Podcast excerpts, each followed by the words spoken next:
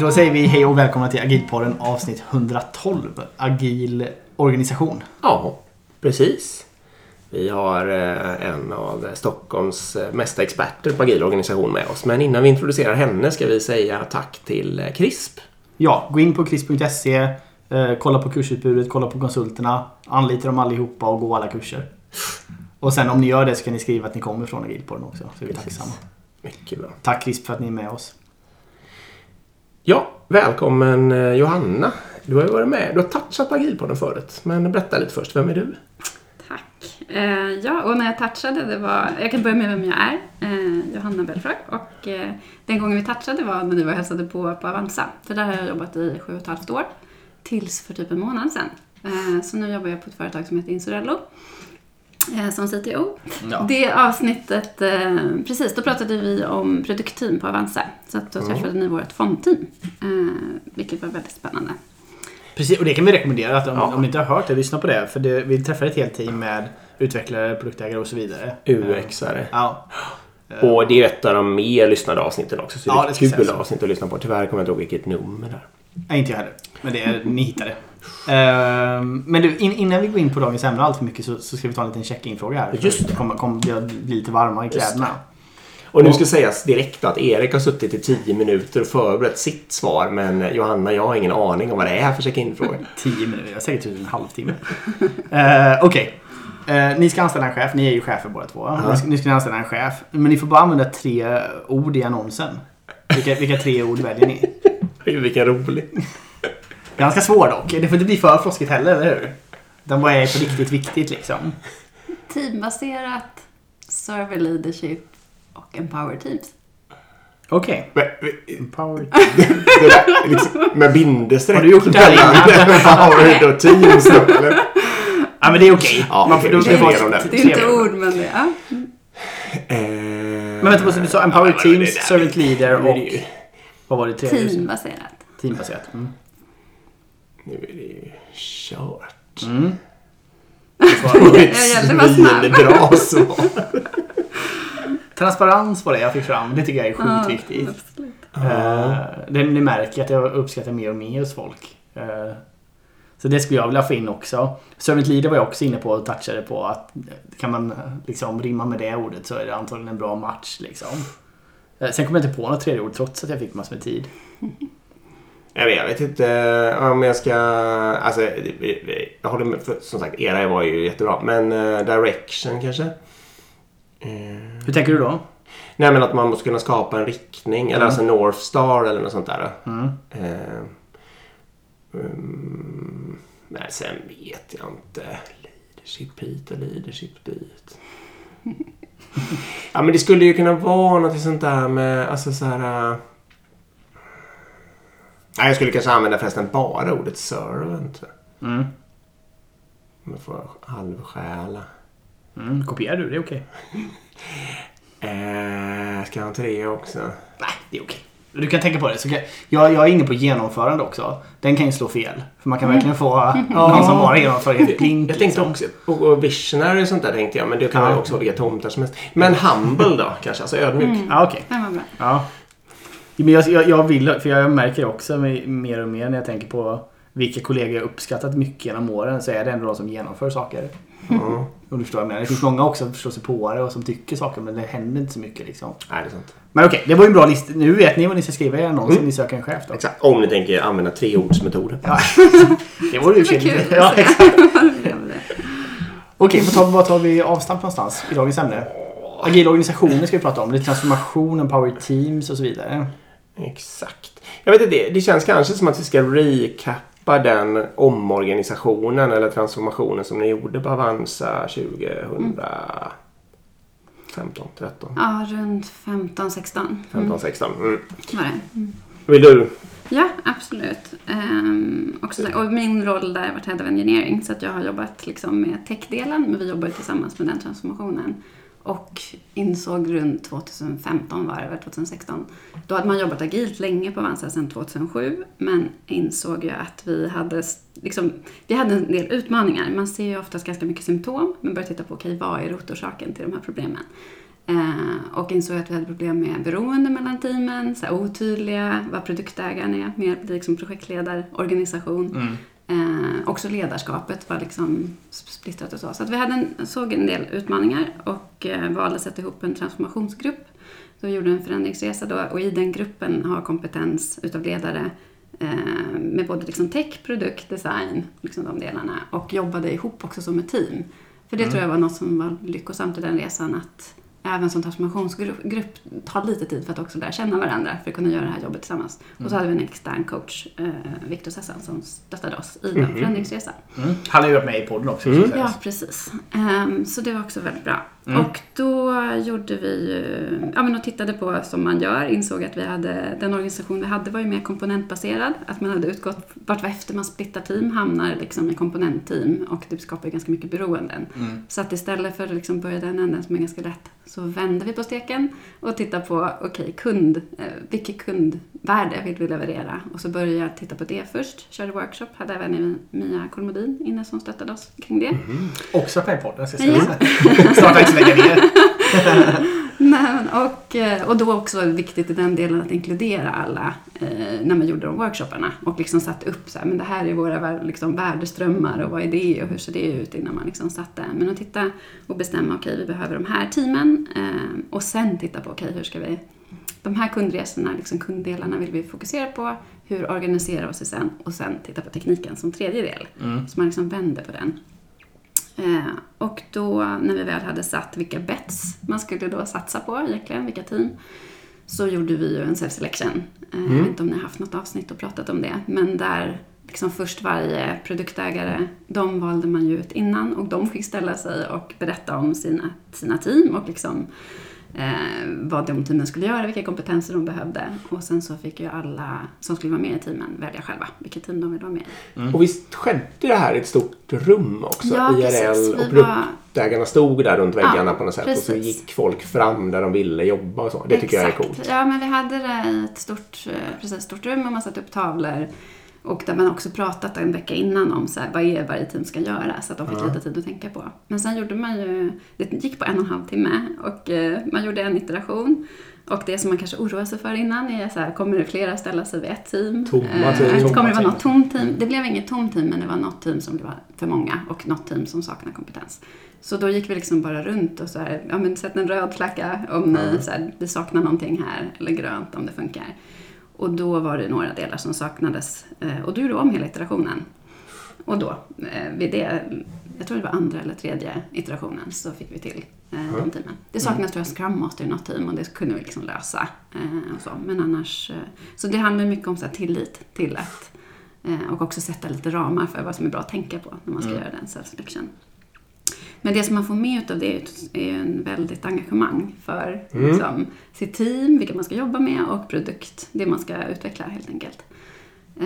S- så där började Ja. den förändringsresan. Och bara för att kolla här nu då. Då skapades det, det här teamet som vi har träffat, Team Fonder, det skapades Mm. De- eh, den där dagen. Ja. Liksom, eller hur? Och vad, var, vad kunde ett typiskt team vara innan det? Alltså var det någon sån här Ja, men då hade, backend ja, tjänster? alltså när jag säger komponentteam så hade vi, vi hade, det var ju tre stycken ehm, kanaler som man levererade i apparna. Mm.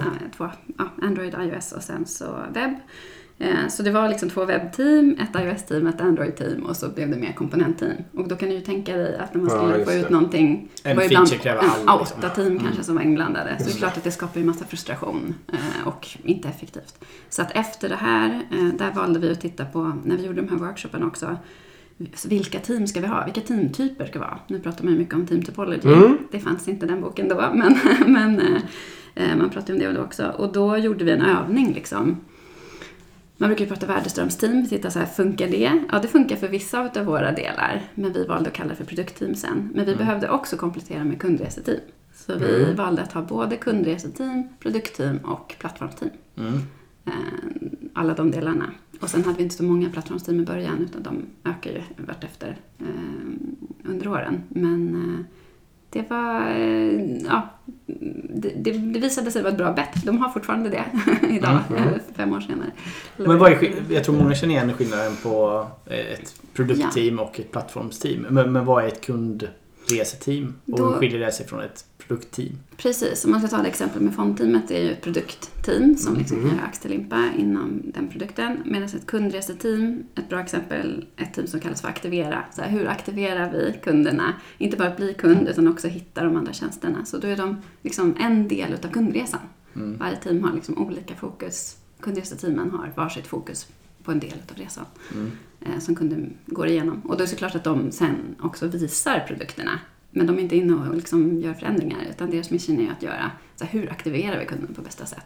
Så Och lägger tekniskt sett så äger inte de samma tjänster som produktteamen utan de Nej. äger, mm, Precis. de äger sin egna stack. Liksom. Men fattar jag rätt då att de ändrar i fronten, alltså de ändrar på webbsidan på Ja, ett sånt sätt som ja. man hit, som ny kund första dagen så hittar jag till fondhandeln och sen Ja. hittar jag aktierna och sen hittar jag USA-handeln och whatnot. Liksom. Okej, Ja, och se hur det flödet kan liksom optimeras. just det. Mm. För att få mig glad och Ja. lagom snabbt.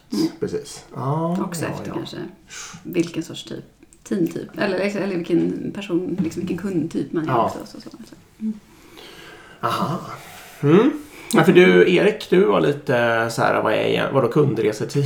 Så här. Men det, det här beror kanske lite på hur eh, produkt, om man har delat upp sin totalprodukt eller sina produkter i väl, väldigt tydliga delar, då kanske man inte har kundreseteam på samma sätt. Nej precis. Och, Kanske. nej och många gånger så... Alltså det, jag tänker det måste vara i vissa fall svårt att skära mellan produktteam och kundreseteam.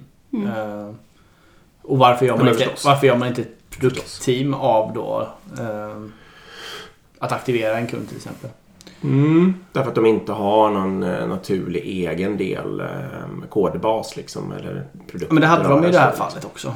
Ja. Ja, det har men det kanske inte blir lika... lika det, jag är så van vid att jobba utifrån men det blir mer en del av kundresan. Alltså produkt är mer, ja, som fonder till exempel, att göra hela det erbjudandet. Mm. Eller liksom aktiedelen, hur man gör den.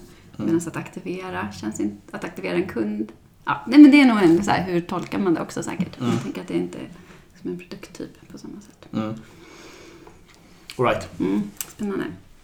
Nej, men och sen så såklart, eh, och det tänker jag alltid som också är intressant utifrån sån transformation, när man gör förändring så får man ju chansa på att det är de här, eller chansa, men liksom det är de här teamen vi vill ha och eh, den liksom domänen som varje team ska vara ansvarig för. Men såklart så fick man ju också återbesöka det. Mm. Och, liksom, och vi insåg ju att vi hade några team vi var tvungna att ändra. Eh, det var Såklart. fel liksom, rätt ganska tidigt.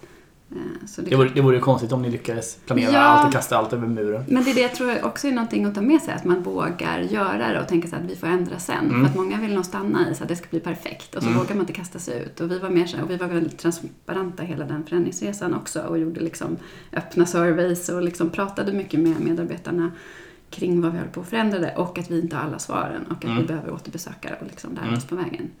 Då skapar det också en sorts trygghet liksom. Mm. Att, Och det är en bra idé. Att, i- att även göra iterativ organisationsutveckling. Inte bara Ja. produktutveckling. nej men precis. Absolut. En annan, en annan sån bara. Hur, hur, du sa plattform där mot de andra teamen. Hur stor del procentuellt skulle du säga jobbar på plattform idag? Av organisationen? Eh, idag så är det sex eh, plattformsteam utav 28 team. Mm, okej.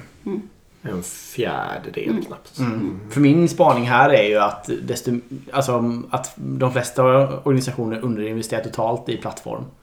Eh, och att det är mycket, mycket mer lönsamt att lägga sig typ på 50% av sin totala utvecklingsorganisation på plattform. Jaha. För att få mycket, mycket snabbare utvecklings-feature-team. De ska inte behöva hålla på med deploy och hur det funkar och pipeline och sånt. ska ju bara funka. Och sen ska de bara f- ligga nära liksom, kunder och jobba med produktutveckling och kunna skriva snabba features. Liksom. Precis. Nu ska jag säga så här då att Erik och Johanna kom, jobbar ju idag i kanske lite modernare organisationer än vad jag gör. För min fördom om plattform är ju väldigt lätt att det är, alltså att det är massa... eh, Ja, det blir Ska bara skräp och administration och sånt. Mm. Exakt, det blir administration och det blir väldigt svårt att få det så att det på riktigt blir användbart eh, för de utvecklarna som behöver det. Liksom. Det är väl det som är min fördom då. Men, Men, ja, och det ja, man behöver, säg. Ja, jag tänker det man ett plattformsteam är ju deras närmsta kunder är de andra utvecklingsteamen. exakt. så att det är ju verkligen så att de ska ju förenkla för Jo. dem. Ehm, så att det inte blir utan mera... Men tänk samma om vi säkert kommer prata om discovery eller hur man gör det i ett produktteam. Det behöver ju även ett plattformsteam göra. Så här, utforska vilka behov har våra eh, utvecklingsteam och hur kan vi bäst... Eh, och sen ha den kommunikationen löpande hela tiden. Sen kommer den stora hemligheten med plattformsteam. Mm. Det är ju också att man måste låta alla feature teams ovanför nu, om vi kallar dem för det, eller produktteam. De måste få göra på sitt sätt också. Det får inte vara mandatory Nej, eller just krav. det. Just det. Och då är det så här, om inte folk använder de där plattformsgrejerna eller sakerna som de gör, då är de uppenbarligen inte tillräckligt Ja. bra. Och då självdör de liksom. Lite marknadsekonomi där i, i det hela. Det är precis så kalla man löser det problemet Mm. att man då lyckas, även om de skulle bygga om de då skulle bygga skräp då skulle ingen börja använda det och då själv dör det liksom. Och jag ska säga också nu bara för eh, alltså, även hos oss finns det ju bra plattforms. Alltså de här som har moln eh, stöttar vi när man försöker ta sig upp i molnet till exempel. Det gör ju vi mycket hos. Ja visst. De är ju jättebra och hjälper verkligen till. Liksom. Så det funkar ju ibland. Men, det kan också bli problem. Mm. Ehm, ja, kul att höra. Ja, och jag kan tänka en sak till när vi gjorde den förändringsresan. Mm, kör. så att en lärdom var väl också att vi då samtidigt ville få teamen att förstå product discovery, alltså hur man jobbar utforskande och liksom ha det eh, ägandeskapet i teamen. Mm. Där var vi lite naiva liksom och körde utbildningar liksom stort och så. Där behöver man jobba mycket, mycket mer lärde vi oss liksom under åren med att få alltså utbilda teamen i så här, hur jobbar man med product discovery på ett bra sätt. Eh, Där vi kanske tänkte så här, men nu kör vi lite utbildningar. Alla de här nya 11 team samtidigt ska Okej. köra. hade ganska stora förväntningar på dem. Så det är väl en här lärdom jag skulle ta med mig. Att eh, göra ännu mer liksom, utbildningsinsatser och också kanske ha coacher specifikt som är i teamen och stöttar inom det. Mm. För att ni tänkte att det var en, en sån här utrullningsgrej. Nu rullar vi ut konceptet Product Discovery, sen är det klart. Ja, det förstod vi väl att det kanske inte var klart, men att man liksom behöver kanske göra ett ännu större, mer gediget arbete för att kunna förändra. Alltså delivery-processen har ju folk oftast naturligt i team, men hur man bara för att du sätter rätt kompetenser i ett team så får du inte automatiskt att man jobbar på rätt sätt. Alltså så här, och hur, hur stöttar man i det? Ehm, Det har vi jag menar, fortsatt med. Det, det gör de även idag, försöker jobba med. Så här, många team är på olika ställen i den mognadsprocessen. Och man behöver återbesöka det också. Mm. I min upplevelse. Mm. Så här, minns du det? Eller hur tänker du nu? kan jag fråga också så här. Men det, ehm, den här frågan, vilket problem försöker vi lösa? Mm. Alltså hur bör, om du ska hitta på en ny organisation, ja, då börjar du med den frågan antagligen. Men du tänker, vad, hur gör du sen? Liksom? Men jag tänker, för att veta vilka problem man ska... Alltså vilka som är Ja. huvudproblemet eller...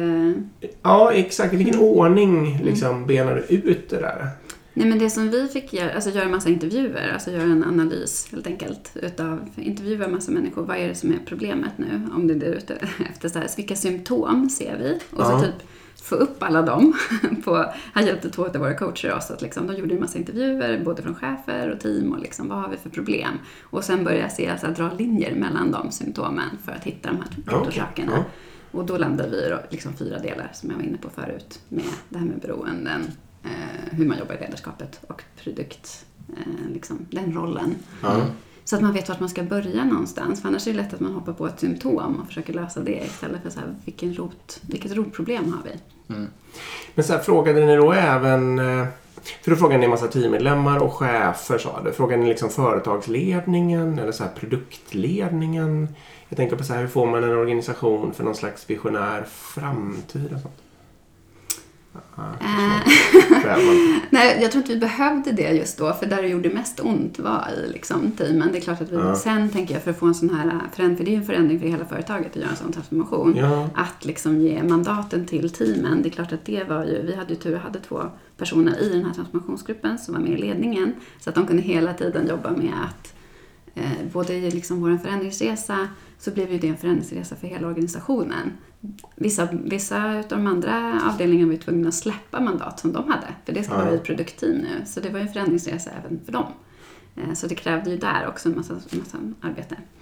Eh, Ja, så då blir det ju också tydligt säga, hur produkt, hur påverkar det liksom eh, Ja men och sen också känna att man får buy-in från organisationen och vi, eller på Avanza så bytte man ju VD mitt i den här processen. Och det klart att det var ju också lite nervöst. Där kommer, mm, Backa kommer det? alltid. Ja men precis. Vad är det här för? Måste ha projektorganisation. Ja men exakt. Men sen, sen, sen kan man säga, det är jätteviktigt såklart att titta på eh, varje specifik. Men sen ska man ändå problem i varje organisation. Sen kan man ändå se mönster över organisationer. absolut. Ja. Alltså det här att, att inte ha crossfunktionella team, att inte ha autonomi, att göra allting projektbaserat. Det var ju ofta så man jobbade med. IT förr liksom. Och många av de där grejerna vet man skapar rätt många olika problem. Liksom. Och så, okej, men vad skulle hända om vi hade autonoma team som är crossfunktionella med tydligt mission, med produkt sittande i team. Ofta där så får man ganska mycket. Men jag menar mer så här när man har kommit en bit. Då. Jag menar just exakt en sån fråga förresten som det här med ska vi ha bara produktteam eller ska vi ha även kundreseteam? Det var ett bra exempel. Eller det här äh, vad heter det, service design. Ska vi ha specifika människor som håller på med det? Eller ska vi bara försöka lära alla människor att jobba och sånt där? Liksom. Det är inte alls självklart för mig. Och själv sitter jag ganska mycket, alltså när jag tänker över min egen organisation, då jobbar jag ju mycket med metoden att sitta still i båten och låta människor eh, försöka använda det vi har liksom, istället för att, för att undvika att röra till det, för det uppfattar jag som ett av de största problemen. Men jag fattar att det, det kommer inte alltid kunna Alltså ibland måste, ja, jag gör ju förändringar ibland också. Men jag, faktiskt det är min huvudstrategi. faktiskt att vara försiktig. Ja, men man får ju smyga in såna här grejer också tänker jag. Att till exempel, för, för att börja tänka på Product Discovery till exempel. Det skulle ju antagligen inte vara en så bra idé att ta in massor med experter och sätta dem i någon stab och låta dem styra Nej. upp det här. Liksom. Nej. Nej. Utan du kanske snarare tänker att Okej, alla designers vi rekryterar från och med nu ska ha den erfarenheten också. Så vi kan börja smyga in den kunskapen i varje team. Liksom. Ja, det skulle jag säga är liksom min lärdom. Var eh, också det snabbaste sättet att få någon som har i varje egentligen kompetensled som är duktig på de delarna. Mm. Att också hjälpa till att göra den förändringsresan. Mm. Oftast brukar det funka bra. Det är typ om man vill börja jobba med design sprint att ta in någon som har gjort det i något team och sen Ja. så börjar de, kan de göra sina lärare och det här lärde vi oss av det och så kommer ja men det där vill vi också göra och så, så sprider det sig ganska snabbt. Många gånger. Vad heter Staber då? Har du någon... eh, Nej, det har du aldrig gjort. Det ser, nu ser inte ni ansiktsuttrycket. Men det var inget Jag ser att det alternativ. var där. Vi, bo- vi Vi tar ordet i alla fall. Nej, det är sällan man gör. Fult ord. Eh, ja.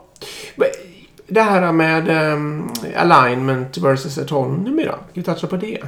Ja, precis. För det är också en sån att, att och mer eller mindre medvetna om, men att vi la ju stort fokus på hur får vi de här teamen att bli autonoma.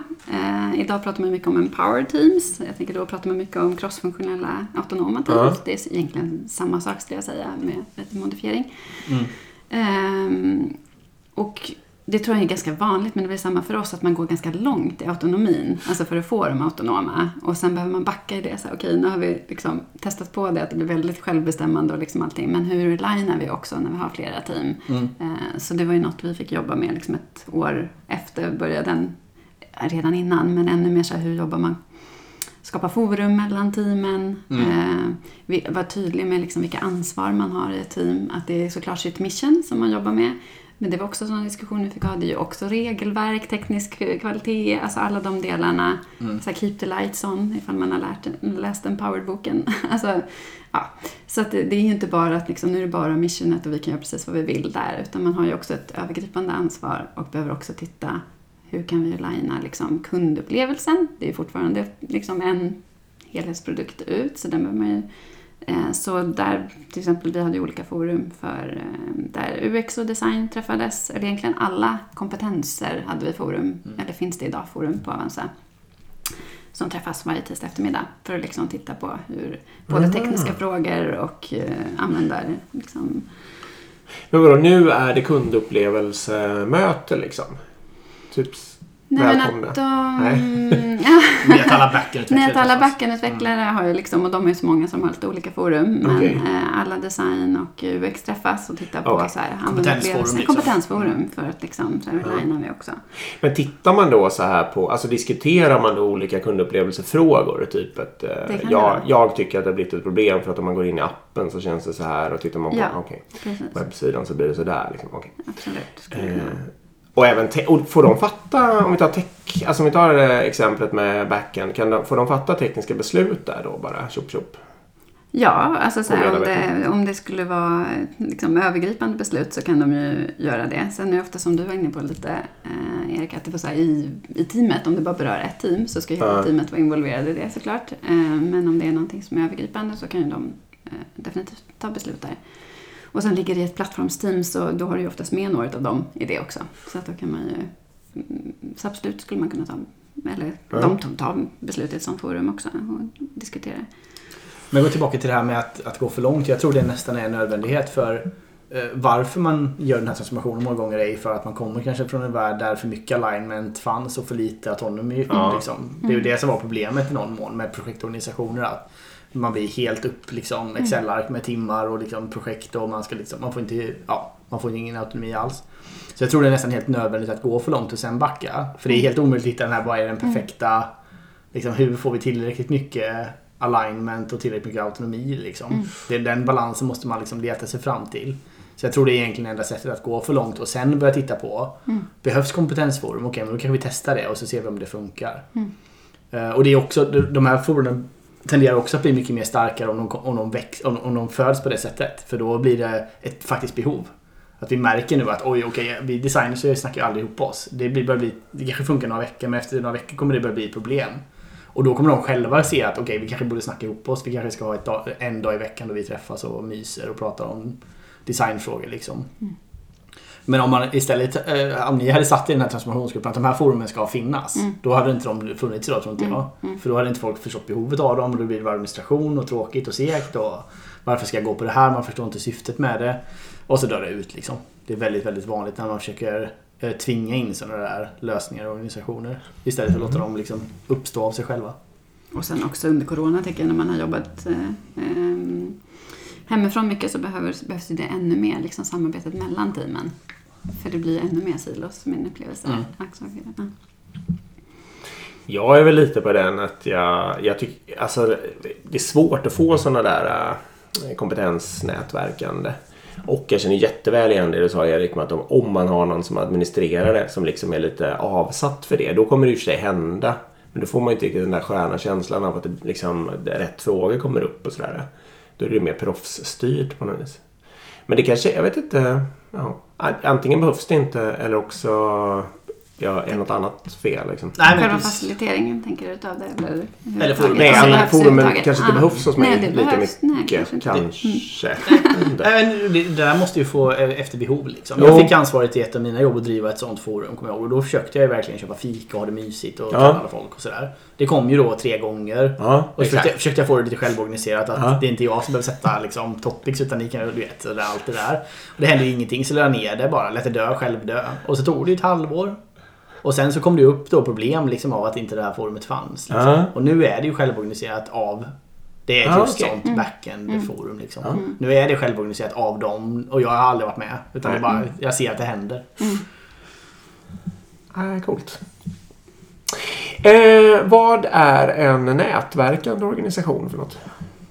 Men är vi lite inne på det, tänker jag. Alltså hur man, alltså inte bara jobbar då i silos, utan jobbar tillsammans. Ja. Eh, både, mm, det kan ju vara allt från liksom forum, ehm, eh, också, eh, ja men det kan ju vara mellan team att du behöver göra alltså ett nätverkande. Hur kan vi lära utav varandra? Ehm, att du kanske kör mobb mellan teamen, så här, vi har utmaningar som vi behöver tillsammans Ja. titta på. Ehm, att man har, tycker jag, det är också något, en fördel med corona när man jobbat hemma mycket i alla fall, som jag såg i så här Slack-kanaler, att du vågar liksom eh, lyfta till exempel tekniska utmaningar i en kanal där du plötsligt har jättemånga team som kan komma med lösningar istället för att bara jobba ditt eget. Det är också ett sätt att nätverka, alltså använda Mm. kompetens via sitt nätverk istället för liksom bara inom sitt team.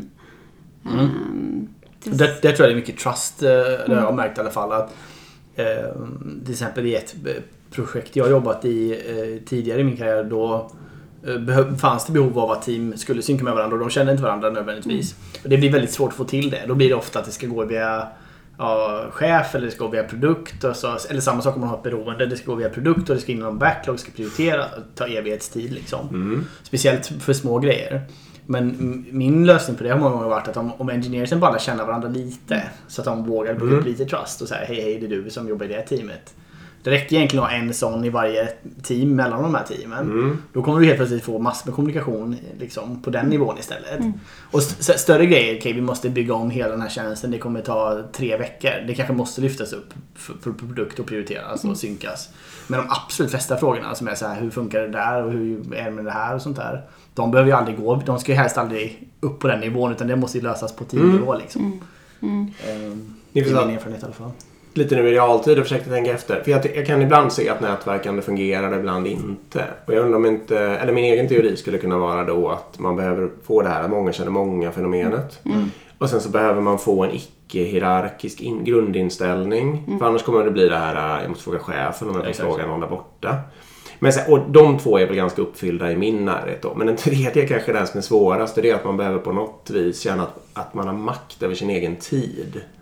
För att kanske det som fallerar är kanske att det finns någon produktägare som lite har räknat med att alla människor ska jobba så här så här mycket. Alltså om man bara hjälpa någon så kommer det ifrågasättas. Liksom.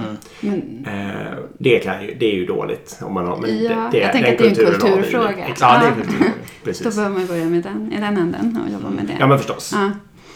Ehm, Det är väl också en, tänker jag, apropå transformation eller överhuvudtaget, liksom kulturdelen är ju en viktig del eh, med att, och också så empower team, alltså att lita på att teamet, inte bara då produkter, men att teamet eh, får äga sin tid och att de kommer göra Ja. det bästa utav det. I, liksom.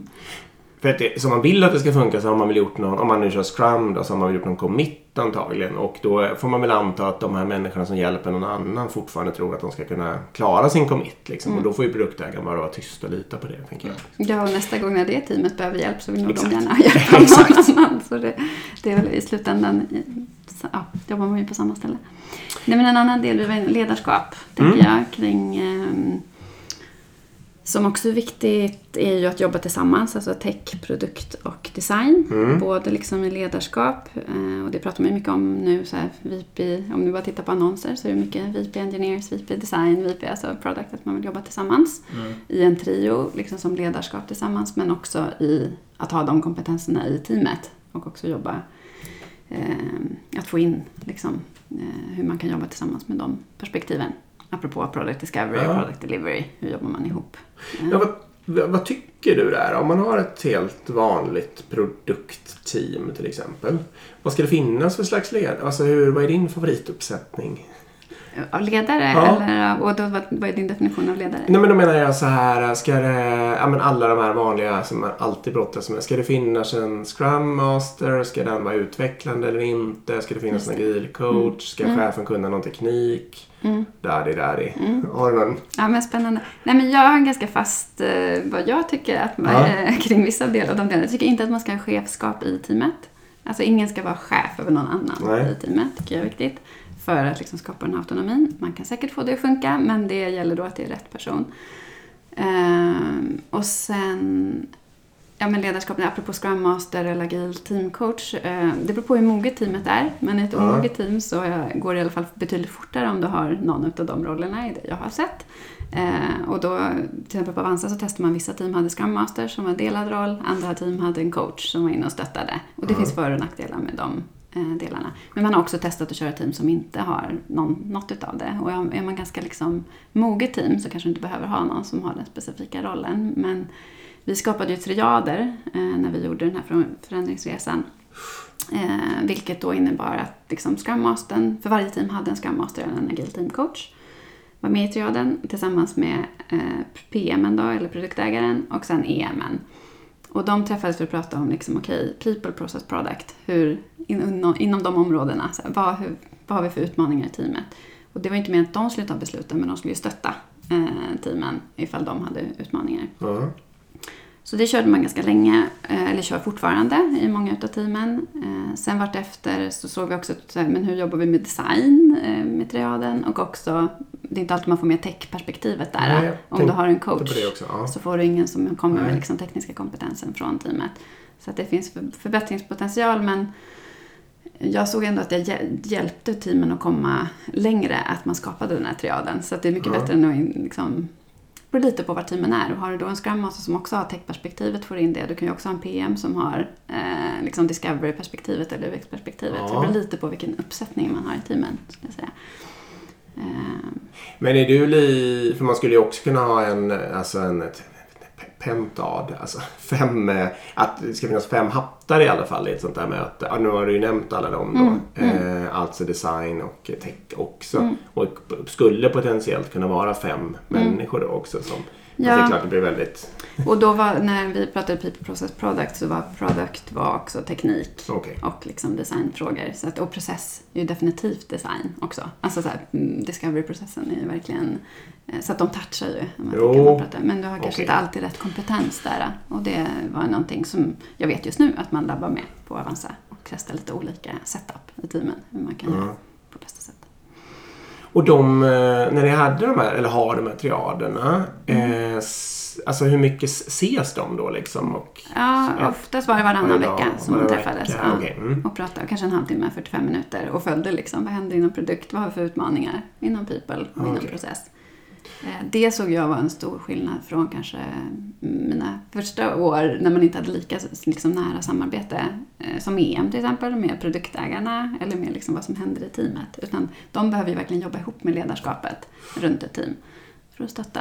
Eh, det är ju inte helt ovanligt att man jobbar ganska separat. Att det är liksom tech-ledarskapet mm. och produkt. Och det är det jag menar också med att för att lyckas så behöver man ju skapa den här treenigheten, liksom produktdesign, tech alltså den kompetensen också som ledarskap. Eh, och jobba, jag menar nu bara, nu är jag ju på in, eh, Insorello, men vi jobbar ju också tillsammans nära, liksom har en designchef och CPO också min roll.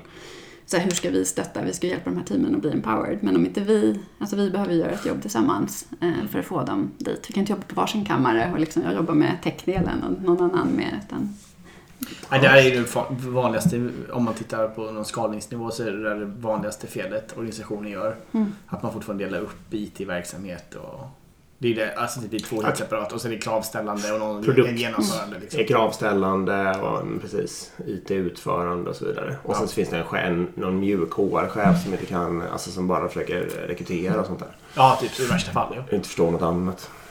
Nej men absolut. Nej, det där, det där håller jag med om. Det där måste man slå ihop helt det är samma mål liksom för eh, teamet. Och jag har väldigt svårt för när man delar också, typ göra tech roadmaps mot produkt roadmaps och så vidare. Eller tech vision mot produkt vision. Det finns, att särskilja de två sakerna är väldigt eh, konstigt. Mm. Eh, för tech finns egentligen bara för att skapa en produkt. Såvida man inte skapar en ren, ren superteknisk plattform. Men det är väldigt, väldigt få företag som gör. Mm. Utan många gånger har du ju liksom ett, ett kundvärde du vill realisera och det är ju produkt, produkten i sig. Och sen är ju bara frågan hur gör vi det på tekniskt smarta sätt liksom, för att få kunna releasa den på olika sätt eller kunna få snabba, it eh, snabba iterationer på den eller vad man nu vill. Liksom. Så tech är ju bara en, en supportering av produkt på ett sätt. Så därför tycker jag att alla sådana här strategier, roadmaps, allt, all, det måste vara gemensamt bara. Produktet. Ja, och för att lyckas tänker jag, många läser den här boken Empower Teams nu. har jag hört på många organisationer, jag har varit med mm. också själv i sådana bokklubbar. Men att för att lyckas så är det ju också verkligen att tech är ju en del utav Discovery också. Alltså att mm. man verkligen jobbar tillsammans, att det inte är bara utförarna. Utan Nej, liksom, det är ju, eh, ja, precis som det men det är inte alltid självklart. Nej, verkligen inte. Det är svårt. det, mm. Speciellt historiskt är det svårt. Mm. Om man har en organisation som transformeras så är det ju det svårt. För ofta har det varit väldigt uppdelat. Mm. Uh, coolt. Eh, vill du, apropå ledarskap då förresten också. Visst, ni hade ju ett tag hade ni så att eh, det var ett ledarskapsteam som var eh, ledde alla engineers. Så att man inte, kanske inte ens visste vem som var. Man hade inte ens en personlig chef. Nej men precis. Eh, testade lite olika sätt men i början så körde vi helt delat ledarskap. Alltså ja. att man hade eh, från att vi var två stycken eh, till tre, fyra. Att man, det skulle kunna vara ena dagen så hade en utvecklare one-on-one med mig och ja. nästa dag med min kollega. Eh, och vi liksom såg till att synka det där. Det gav ju liksom en, en flexibilitet och vi fick alla liksom en bra... Ja. Och också att inte så här, beroende på vilken chef du har får ett eget liksom, Eh, så det funkade upp till kanske fyra, att vi var fyra stycken så fick vi tänka om hur vi gjorde det. Och då eh, gick vi till att liksom ha någon i varje team men också jobba ihop som ett team, som mm. ett ledarskapsteam hela tiden. Att göra sprintplaneringar, köra liksom, eh, retro på hur vi jobbade som chefer runt teamen också. Och att de kunde komma till vem som, med liksom dagliga frågor. Sen hade de med one-on-one med liksom specifika. Till att när det blev, jag menar som idag på Avanza är de 28 team, så då har varje EM tre team var. Så det är väl mer traditionellt. Men för att kunna också vara med i den här triaden och ha ett fokus på liksom ett team. Men det man te vi testade också i transformationen var ju att varje EM var ju chef då över ja, eh, Data Engineers, Engineering och eh, så hade vi en del QA i teamen. Och Eh, men de körde one-on-one även med PE, produktägarna, design, Mm. UX, liksom produktspecialister som var i teamen. Så att man också fick höra vad som hände. Så de hade mer fokus också på hela teamet och hur det fungerar. Inte bara sina egna medarbetare. Eh, så valde man att lösa det. Precis, och nu bör vi säga, som för det har vi inte sagt tror jag, men på Avanza så är ju produkt är en egen eh, linje va? Ja, Och precis. UX Fram tills, och- typ, eh, fram tills för någon vecka sedan. Ah, Okej, just det. Just det. så var det liksom en tid egen. Ja, då var det liksom. Men ja, det var liksom organisatoriskt eh, två olika organisationer. Eh, däremot så tittar man hela tiden, till exempel gjorde man så här medarbetarundersökning. Då var det ju produktteamet, alltså det var det man Ja. utgick från. Så här, deras resultat och hur det såg ut. Så att, ja, man tillhörde ju liksom olika organisationer men vi jobbar jättemycket ihop. Cheferna runt teamet kallade Ja. vi det. Och, hade liksom, eh, och teamledningen, då var det liksom jag och de PO, de som var PO, produktägarchefer då för de olika eh, för kundreseteamen, för produktteamen, våran CTO eh, och sen här affärsplattformsteamen. Så vi träffades ju också och tittade liksom helhets... Så, så att man jobbar tillsammans fast man egentligen var olika organisationer. Mm. Mm. Det är ju egentligen en matrisorganisation ja, precis. Eller ja. Mm. ja. på ett sätt. Nej, för det är så här, all- alltid när jag hör ordet matrisorganisation så... Det här har vi nog pratat om förut i något annat avsnitt. Jag tror vi till slut hade någon teori om när det var okej att ha en matris och när det inte var det. Och antagligen var den teorin att om man hade... Om linjen gick på kompetens så var man fel ute, tror jag. Där. Jag kommer inte ihåg riktigt. Ehm, ja, nej, det var bara ett konstaterande egentligen. Jag kan säga det bara som en eh, eh, tidigare jobberfarenhet jag har också. Det är att i den här triagen då, alltså med framförallt produkt och design då, där jag har varit mer eh, EM eller tech lead. Eh, så vi har också testat att ha, alltså då har det varit X antal skåd som, som, som den här gruppen ansvarar för då. Ehm, då har vi haft eh, dagliga möten också. Mm. eh, Innan stand-up. ehm, Med alla team liksom. Ja. Eh, och det, det, det tycker jag är extremt effektfullt. Så då får man verkligen nära samarbete mellan produktdesign och, och tech. Liksom. Eh, och det är öppen agenda bara, man kan prata om vad som helst. Det kan ju vara något eh, produkt, svårt produktproblem som då tidigare kanske framförallt inte jag som tech var inblandad i. Utan det var mer så här, det gjorde produkt för, för sig själv. Eller det kan ju vara något personalproblem som blir med kanske då mer eh, i mitt fall vanligtvis i och med att de flesta rapporterar till mig idag, engineersen. Um, då, då kan man dela det i den gruppen också så det blir mer ett, Mm. ett, ett crossfunktionellt ledarskapsteam liksom. För x antal team. Mm. Ehm, istället för att det är separata delar. Ja, och det är också en spännande, tänker jag, apropå, för vi jobbade ju mycket tillsammans alla EMs eh, och jobbade med de olika teamen, men vartefter Avanza växte så blir det lite delorganisationer, man ska säga. Om man säger Mm. kundreseteamen, liksom var ju sex, sju stycken, de hade ju en chef eh, för både UX och produkt. Så ja, egentligen senaste året så jobbade då liksom de två EMerna som jobbade med kundreseteamen och liksom PO-chefen och UX-chefen, de skapade ju också mer ett liksom forum och kanske målplanering för hur de kunde jobba Mm. närmare teamen. För när man blir så många så måste man skala även det ledarskapet.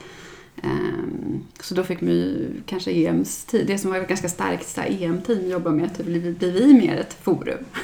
liksom ta den, vilket var lite ja, eh, tuff, eh, tufft att liksom från att ha varit byggt team och tyckt att det är roligt så behöver man ju liksom bygga nya sådana teamkonstellationer Mm. med korsfunktionellt, eh, verkligen på djupet. Mm. Ja, kul. Ja, spännande.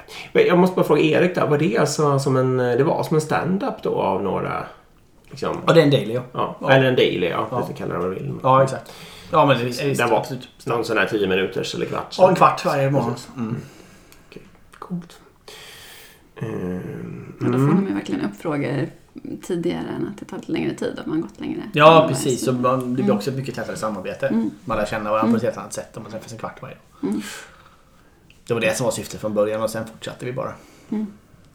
Min, eh, ja det har säkert alla lyssnare hört mig säga 51 gånger men eh, det mötet jag tycker är mest värdefullt av alla är ju Daily. Eh, Och har även det i ledningsgrupper och sånt där. Liksom, Av just de, den anledningen som du sa nu, att man lär känna varandra, får fart. Liksom. Mm. Eh, lärande organisationer, ska vi kommentera någonting på det? Mm. Är det bra? Nej, jo. Nej, skit, skit i det. Nej, men jag tänker att det är ju samma sak lite. Du var ju inne på så att äga sin tid. För det är Ja. också så här, det ska ju vara, för mig är det ju en självklarhet att kunna köra bokklubbar, man kör coding liksom, dojos om man vill det. Ja. Eh, träffas liksom, att, att det är viktigt, att man förväntar sig att lärande är en del utav vardagen. Alltså, både inom sitt team, eh, men också mellan team. Eh, så det blir både en kulturfråga och en teamfråga. Eh, Har du så här nu på ditt nya jobb, eller nu får du välja lite hur långt du vill kommentera men har Ja. du hunnit känna av det liksom om det är, eh, alltså är det, blir det liksom en prioriterad fråga för dig att jobba med lärande organisationer här i början till exempel? Ja, det skulle jag säga. Nu har ju de en bokklubb till exempel redan. De hade det innan du- ja, inte din förtjänst, nej, Nej, så jag ska inte ta på mig. Eh, Så det var ju så check på den Ja. i alla fall, att man har kommit en bit. Eh, Och jag tycker att det är okej. Men hade det inte varit det så hade jag ganska snart kanske börjat titta på de frågorna också. Ja. Ehm, Ja, nej, där finns det andra frågor att jobba med också. Där vill man liksom nu få en power team, så hur jobbar vi med det? För att också skapa den kompetensen. Vad är ett empower teams? Och Ja. hur jobbar vi med discovery och liksom börja lite från början kring de frågorna. Det jobbar vi med där just nu. Mm, okej, precis. För det är klart att man får tänka ut vad som är just utmaning Mm. när man kliver Mm. in i en sån där grej Mm. eh, och ta tag i den förstås. Eh, Ja.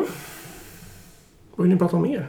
Men, och jag tänker lärandeorganisation också. Det handlar mycket om alltså både att göra retros på i, självklart i teamen, men också i ledarskapsteamen och också våga Ja, men så här, det här det man pratar om, att här, berätta om sina misslyckanden. Och liksom, Det är Mm. också ett lärande. Och skifta när man kör demos och verkligen prata om så här, vad har vi lärt oss när vi gjorde det här också. Inte bara vad värdet för kunderna var eller vad vi gjorde för någonting, men vad lärde vi oss på vägen. Och mm, vi liksom pratade ganska länge om men det är klart att det är en självklarhet och man ska dela misslyckanden och man ska se ett lärande. Men det, det händer ju inte av sig självt. Det gäller ju på ett demo att ställa de frågorna. Eller liksom också bara liksom Mm. mm, börja. Och eh, ja, för jag upplevde det stor skillnad liksom senare, senaste året bara. Att var man på ett demo så pratar man verkligen om vad man har lärt sig. Och eh, då blir ju andra nyfikna och så kan man dela liksom, erfarenhet därifrån. Mm. Hade inte du någon, eh, ni hade någon fail, eh, Mm. Mål. hur var det? Fail wall var det? Det var, det var inom ett team då. Ja. Ja, men precis. Men det Ja men eh, alltså alla de där grejerna, kulturförändringarna är ju svåra liksom. Och mm, det är svårt att säga bara nu, nu, nu kan ni vara psykologiskt trygga. Nej, det funkar kanske inte. Nej, Knäpper du med fingrarna bara, Ja, exakt. sen är ni igång. Eh, eller nu ska vi ha bara lära oss saker. Utan det där är någonting man, man får bygga fram och då finns det ju liksom vissa metoder. I början så kanske man är bra att forcera fram det och säga att varje onsdag så, så på förmiddagen så tar vi tre timmar till att kolla på YouTube eller göra vad man vill. Mm. Liksom. Alltså sådana där grejer. Och sen förhoppningsvis bygger det upp en kultur. Liksom. Och det Failball var just ett sånt exempel. Det var ju för att stärka psykologiska tryggheten i ett team. Så bör, i början var det ju verkligen sådana larviga grejer som att jag glömde regnkappan och det blev regn idag. Mm. Liksom.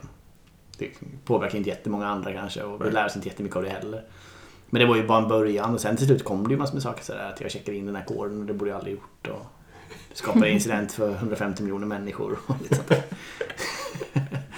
Eh, precis. Men, men den är ju borta. Men, men det var ju bara ett typiskt sånt exempel. Ja men det, alltså, precis, det är ju inte, in, kanske inte något man ska föra in överallt för alla utan Nej, det var ett bra inte. verktyg att, Ja. för att få fart i en viss fråga. Liksom. Exakt. Tänk- Så, mm. Nej, men jag tänker en annan fråga kring agil organisation är ju också hur man inkluderar andra avdelningar. Att det inte bara är liksom produkt och tech, Mm. utan hur den fokusen. Eh, och jag menar, dels är det såklart att hålla demos öppet och eh, med sina stakeholders gärna. Inte, alltså medan man demar att man demar medan man bygger någonting och involverar dem väldigt tidigt. Kör designstudios. Att man kan vara ta med folk från legal, att ta med liksom kompetenser från andra avdelningar tidigt i ditt arbete. är också ett sätt att hjälpa dem att utvecklas. Och sen köra agila utbildningar, alltså bara grunderna i vad agilt är. Eller också stötta, prata om så här, retros till exempel. Vad är det för någonting? Och då blir ju mm, många nyfikna och vill ha hjälp med att göra det. Och ju mer Mm. de Ehm, Så det är inte bara att liksom göra den här förändringsresan, ja men nu är det produktteamen och de ska vara mandat där och få de andra avdelningarna att förstå det, men också hjälpa dem att, mm, liksom, vilka verktyg kan de använda i sin, sin del och hur kan vi jobba tillsammans? Och vad är en designstudio? Eh, där tittar man på eh, vilka olika, alltså man gör typ en workshop där man eh, sn- snabbt får liksom kort tid på sig att uh, idégenerera. Och så tar du in Okej. många kompetenser från företaget helst. Liksom, eller så att du har, det kan ju vara allt från kundservice till uh, ja, legal eller folk från teamet. Eller så gör man det bara i teamet. Man kan välja hur man vill göra det. Och så gör man en, en idégenerering eh, på ganska kort tid. Eh, där man liksom tittar på kund, vilket Ah, kundbehov och sen så skissar helt enkelt fram olika, olika lösningar, förslag på lösningar. Men egentligen en, äh, en kusin till eh, Design Sprint fast eh, kortare och, och mer fokuserad och kanske fler människor och så. Ja, eh, det är väl design väl en del i. Jag ska inte säga att jag är bäst på att säga vilken exakt eh, del det är. Men det skulle kunna, ja. Kanske, alltså en Design Sprint är kanske inte... För mig är ju det, det är väl ett Google-koncept och det är en Mm. vecka med lite färre människor som liksom jobbar igenom ett specifikt problem. Eh, och Och precis, och en ja. första del av det är just det ja, exakt. Så Ja, det är design studio en del av det. Precis. Mm. Okej. Ja, coolt. Vill, eh, har du en uppfattning om transparens? Vill du kommentera något på? Nej, men den är ju också eh, oerhört viktig. Ja. jag tänker både i så här, man gör trans- transformation, alltså när man gör den förändringsresan behöver man vara transparent med Ja. att man gör en resa, också ta med input och vart man är någonstans och att transparent med att man kanske inte har alla svaren. Alltså det skapar ju också trygghet. Ja. Eh, men sen också, eh, ja, så då inkludera i förändringsarbetet är ju en del, men också eh, när man ska göra den här organisations, liksom bestämma då vilka team man ska ha. Så att de också får, där, det tyckte jag var bra när vi hade kört workshops och sånt, sätta upp i ett rum. Så här, det här är de olika idéerna vi har nu, kom in och skriv lappar liksom. Eh, och kom med input, för då är det också transparent med vad håller vi på med just nu. Eh, Men sen allt från så här, man kan, ledningen mot väggen, att liksom så här, skicka in frågor, vad man kan svara på, vart, vad håller vi på med just nu. Att, att ledningen också berättar, är transparenta med vad, vad man gör, vad man har för utmaningar. Det är också en viktig del. Och ledningen mot väggen, är det en... eh, Alltså är det ett fo... Ses man eller är det... De testade, eller jag tyckte att det var bra. De skick, skickade in frågor och svarade på liksom, de här månadsmötet typ. Så det var det. kunde svara de öppet då för allihopa. Eh, ja, men de här frågorna vi fått in eh, i ledningen då och att man svarar på dem. För då skapar ju det transparent. Sen var det också lite runda bordsfrukostar eh, där man Ja. träffade liksom, eh, ledningen just för att här, få med vart gör det ont just nu i organisationen. Eh, och att de ska känna att man vågar lyfta alla frågor. Så det Mm. ökar ju transparensen om du skapar den, liksom, in, apropå inte ha hierarki, eller liksom göra det platt, Mm. att man vågar. Eh, och också bara gå runt och ställa frågor. Alltså att, ja, men som Mm. VD eller andra personer i ledning och så, att man är nyfiken och går runt och liksom, för att lyssna in. Eh, det, det är ju också en transparens. Mm. Åt båda hållen. För det är både att vara transparent utifrån ledningshåll men också transparent med vad som händer i teamen för att kunna eh, ta beslut. Har du någon masterplan för vad du ska göra nu på nya jobbet för att vara transparent själv alltså? Det, det, då får man ju ta med sig den lärdomen att en del att komma in som de här grejerna har jag erfarenhet om. De här grejerna har jag inte lika mycket. Att redan ganska tidigt man kommer in och vågar. Alltså det är också en del i transparensen. Skapa Ja. så här, psykologisk trygghet. Men det här kan jag inte lika bra. Det här vill jag lära mig. Kan ni liksom eh, lära Ja. mig eh, om det? Men sen också prata om det tidigt. Eh, har vi gjort nu. Alltså hur kan vi vara ännu mer transparenta eh, framåt med vad, vad som händer. Och hur kan vi fånga upp vad som händer i teamen för att kunna eh, hjälpa dem. Mm. Jag tänker så här rent handfast liksom. Har du, har du träffat, alltså samlar du alla människor eller hur? Alltså nu är det lite lättare dit jag har kommit från att Ja. ha jobbat och haft 150 personer det var en organisation på tid. I min i alla fall, eh, runt 30 personer så har jag ju kört one-on-one med allihopa. Har du gjort det? Och frågat så här, vad har ni för förväntningar på mig? Alltså apropå transparens, då får vi Ja. också så här skapa och eh, vad kan jag hjälpa till med? Och eh, sen såklart jättenyfikna på vilka de är. Ja. Eh, Alltså bara börja där. Så det är ju ganska roligt att få komma till ett ställe där man, det är ett, eh, Instrello är drygt 100 personer. Eh, var, om alltså när man hade 600 eller också när vi hade liksom 130 utvecklare. Eh, Senaste året har man rekryterat jättemycket också under Corona. Eh, såklart, jag kände inte alla eh, längre. Mm. Och det saknade jag lite, att komma Mm. närmare. Det är ju enklare när man har... Jag ska säga bara att den där skalan, jag jag tog en organisation på 80 personer så träffade jag alla i en halvtimme som. Mm. Jättebra. Mm. Då får, Och jag, du är- då får jag ju kontra med att jag håller ju på. Men, det- men det är ju då, jag har ju en organisation på ungefär 230 Ja. människor. Och det är ju, jag kanske har kommit 10% ungefär. Och jag har Mm. min eh, tidsplan för det här är ju ett år ungefär. Eller kanske, kanske kommer ta mer tid, jag vet inte. Ja. Men det är Men- också en typiskt... Ja, Ja. ja, men absolut. Så budskapet till alla människor där ute är ju att eh, det är väldigt värt i alla fall. Det verkar vi alla tre tycka. Ja, och det skalar. Ja, man kan göra Ja, man kan, ja, precis. Man får Det tar försöka. lite längre tid. Ja, det är det. Jättebra. Inte var gränsen går. Ja, cool. Ja, det skulle jag antagligen ha gjort helt enkelt. Även om det var många som kört den. Ja. Det är Bra. Ja, men bra. Ja, vi kan runda av där. Ja. Gud vad kul. Eh, bra. Ska vi, vi ska tacka Chris förstås då. Verkligen. Gå in på kris.se som sagt. Kolla vad de, vad de har. Ja. Och om ni vill eh, oss någonting så finns vi på agilpodden.gmail.com eller agilpodden på Instagram. Precis. Och vad hittar man dig? På LinkedIn kanske? Ja. Ja. Och vill du puffa för något så nu får du ju passa på att göra reklam för er produkt eller om ni söker folk eller vad du vill. Ja, verkligen. Ja, precis. Ja, men är ni nyfikna framöver på Insorello så eh, tycker jag definitivt att ni ska... Och jag tänker att vi kommer, jag kommer nog, även när vi som det var på Avanza, så här, köra meetups och lägga ut saker på LinkedIn och berätta vad vi gör för någonting mer. Mm. Men eh, en spännande produkt och eh, ett roligt företag. Mm. Kul. Tack så jättemycket för att du kom. Ja, verkligen. Supertack. Roligt att vara här. Bra. Tack till alla som lyssnar. Mm. Hej, hej. Hej då. Hej.